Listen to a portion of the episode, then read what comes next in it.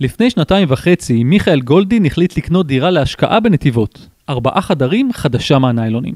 הוא הוציא מהכיס שלו רק 200 אלף שקל, ואם הכל ילך כמו שהוא מתכנן, בעוד שלוש שנים הוא כבר יצא עם 350 או אפילו 400 אלף שקל. רווח של כמעט 100%, לא רע בכלל. זה כמובן, אם הכל יסתדר לו.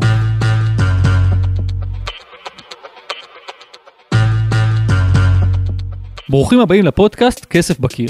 סיפורים על אנשים שהחליטו לשים את הכסף שלהם על נדל"ן. ההתלבטויות, ההחלטות, ההצלחות וגם הכישלונות. לי קוראים גיא ליברמן ואני עורך תחום הנדל"ן בעיתון גלובס. לפני כמה ימים נסעתי לפגוש את מיכאל גולדין בבית שלו בפתח תקווה. הוא בן 38, נשוי ואב לארבעה.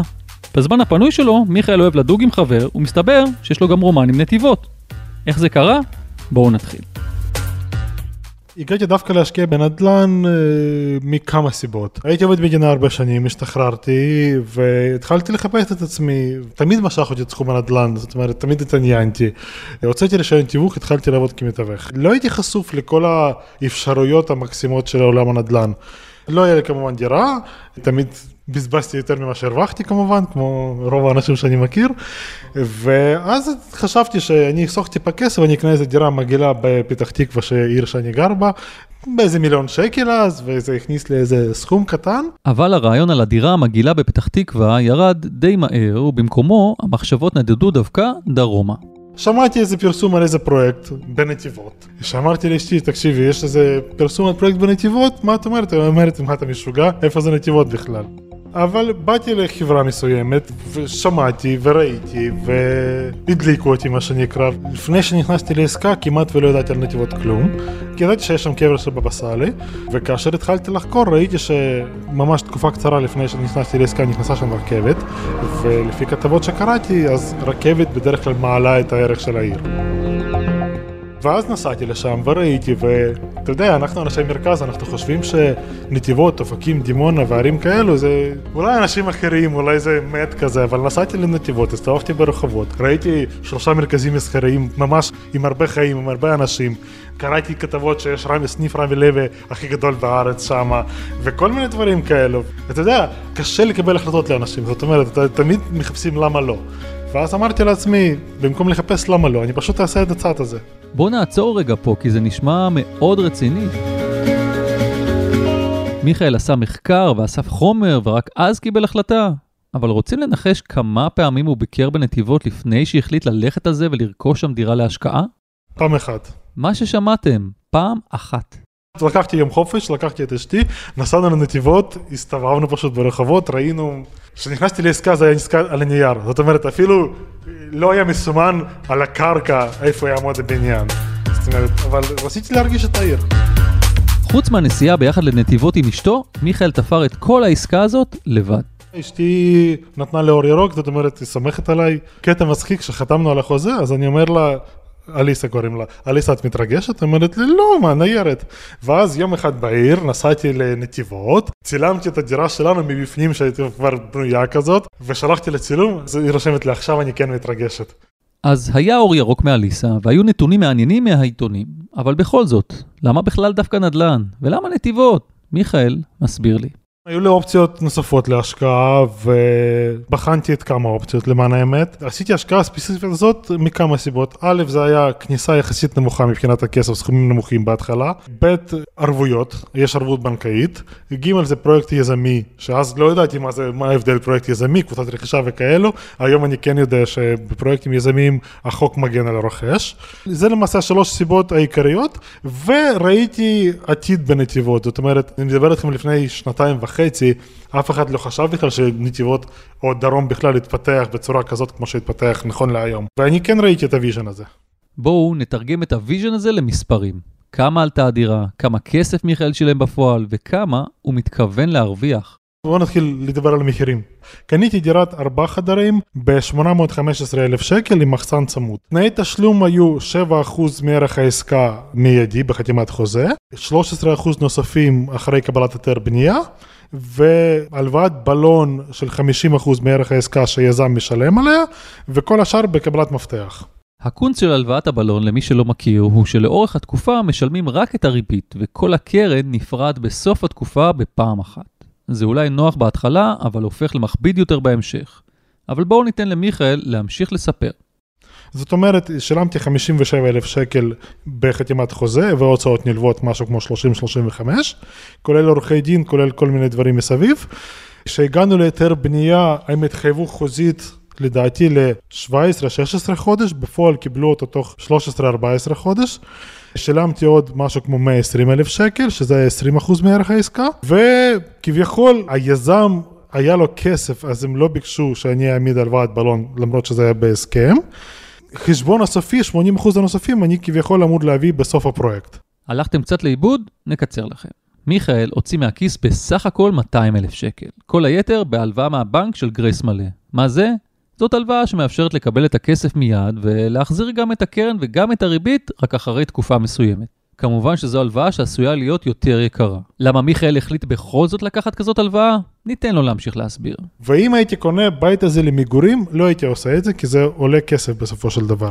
בגלל שזו דירה להשקעה, אני הגעתי כרגע למצב שאני לקחתי כרגע משכנתה בגרייס מלא, אני אמור לקבל את הדירה במאי 19, הזכיר אותה כשנה וחצי, ורק אז אני אתחיל לשלם משכנתה, שנכון לכרגע אני מתכוון למכור את הדירה. האמת היא שבמקור מיכאל בכלל לא רצה להיכנס להלוואות כאלה. אבל הוא שינה את דעתו אחרי שראה מה קורה למחירים מסביב, והבין שהוא רוצה להרוויח עוד קצת זמן של עליות מחירים. התוכנית העסקית שלי שיצאתי לדרך הייתה למכור את הדירה ממש לפני אכלוס. וכך לא להגיע בכלל לשלב של משכנתה. אבל אה, כמו שאומר חבר שלי, בדברים כאלו צריך להחליט לא להחליט. אז באמת קיבלתי החלטה שאני לא מחליט מה אני עושה, והנה נכון להיום, כשנתיים וחצי אחרי שנכנסתי לעסקה, החלטתי שאני כן לוקח משכנתה. אני אזכיר את הדירה כשנה וחצי ואז אני מתכוון למכור אותה. למרות שגם התוכנית הזאת יכולה להשתנות, כי אנחנו לא יודעים. ואתה עושה את זה למה? כי אתה חושב שתהיה עליית מחירים נוספת בנתיבות? אני עושה את זה כי אני חושב שתהיה עליית מחירים נוספת בנתיבות. הרי מאז שעשיתי את ההשקעה והתחלתי לחקור את החומר הזה לעומק, ראיתי שכל פרויקט, ולא משנה איפה הוא בנוי, אפילו בכפר ערערה, סתם אני זורק, לא משנה מה הסיפור מסביב, המחיר בין כניסה לעסקה בפריסייל לבין היתר בנייה משתנה בין 10 ל-20 אחוז, בין היתר בנייה למסירה 10-20 אחוז נוספים. זה פחות או יותר ממספרים שאני ראיתי. זאת אומרת, כרגע הדירה שלי שווה במחיר שוק בין מיליון למיליון חמישים. אני מאמין שכאשר פרויקט יהיה מוכן ומאוכלס, אני אוכל לקבל הדירה שלי מיליון 200, מיליון 250. וכמה הוא מתכוון להרוויח מכל העניין? הוצאתי נכון להיום מהכיס משהו כמו 200 אלף שקל, ואני מצפה להרוויח על 200 ששמתי משהו כמו 300. הרי הרווח שאני מחשב, אני לא מחשב אותו על כמה עלתה לי הדירה בסך הכל וכמה הרווחתי, אני מחשב על רווח cash on cash מה שנקרא, כמה הוצאתי מהכיס, כמה אני מרוויח על ההשקעה שלי.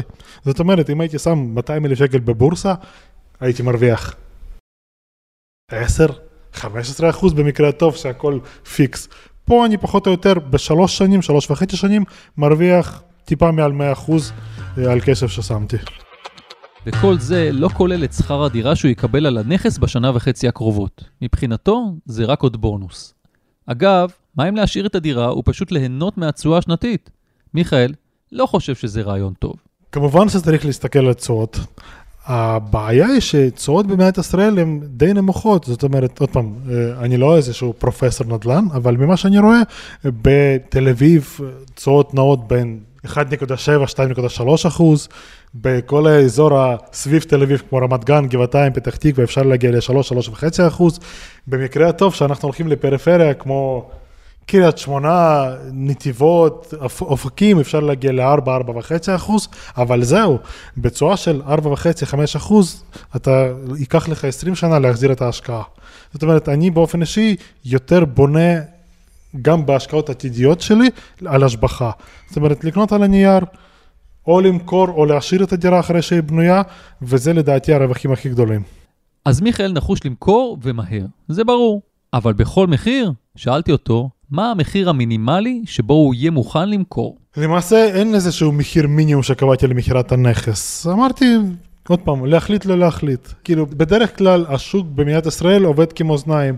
אם מחירי דירות יורדים או נעצרים, אז מחיר שכירות עולה. אם מחיר שכירות נשאר במקום, אז מחיר הדירות עולה. זאת אומרת, אמרתי, אם אני אוכל למכור אותה במחיר טוב, אני אמכור. אם אני, המחיר לא יהיה מספיק טוב, אני אשכיר אותה, אין שום בעיה. כשיצאתי לדרך, האמנתי שהמחירים יעלו במדינת ישראל. גם היום, למרות שתקשורת משדרת לנו אחרת, אני מאמין שהמחירים המשיכו לעלות. מכמה סיבות, יש לנו כ-40 אלף נישואים בשנה, יש לנו כ-16 אלף גירושים בשנה, הגירה חיובית למדינת ישראל, הילדה עולה על תמותה, התחלות בנייה בעקבות כל התוכניות של אה, מחיר למשתכן אה, דווקא ירדו. אז אני מאמין שגם אם השנה ירד המחיר הדירה באחוז אחד או שתיים או שלוש, שנה הבאה זה יחזור חזרה ואפילו יעלה. וגם אם אנחנו מסתכלים על גרף של נדל"ן מקום המדינה עד היום, כמובן שהיו פה ושם ירידות ועליות של כמה שנים, אבל כמעט ליניארי למעלה. מיכאל אופטימי לגבי עליית המחירים, ובניגוד להרבה משקיעים אחרים שמתלוננים על מיסוי, גם פה הוא מבסוט. פשוט בגלל שהוא גר בשכירות, אז יש לו פטור ממס. על דירה ראשונה אתה פטור ממס עד מחיר הדירה מיליון שש מאות וקצת, בדירה שנייה אתה כבר חייב לשלם את המס שמונה אחוז. אבל אני כמשקיע לא מתכוון לגור בדירה, זאת אומרת אני יכול לקנות דירה ראשונה, וברכישה של דירה שנייה אני יכול להצהיר על כך שאני מתחייב למכור את דירה ראשונה, וכך אני פטור ממס רכישה. וזה הטריק שהרבה מאוד משקיעים עושים. זה טיפה מגביל את האנשים שגרים בבית והם לא, לא מתכוונים למכור אותו, אבל כמשקיע שאני גם ככה מתכוון למכור את הדירה שלי, אז אין שום בעיה. מיסים נוספים שיש לשלם, אם יש לך דירה אחת ולא החזקת בשנה וחצי, אז אתה צריך לשלם 25% על הרווח, מס שבח מה שנקרא. אם יש לך שתי דירות ומעלה, אתה בכל מקרה תשלם מס שבח. ועדיין זה משתלם, הרי סתם דוגמה, אני חוזר לדוגמה ספציפית, אם אני הרווחתי כ-400 אלף שקל בשלוש וחצי, ארבע שנים, ושלמתי מזה 100 אלף שקל מס, עדיין אני ברווח נטו 300 אלף שקל על 200 ששמתי, זה פשוט מטורף. כמה זמן אתה, גיא, לוקח לך לחסוך 200-300 אלף שקל? וואו, אני לא יודע אם אני אצליח בכלל. בעשור הקרוב.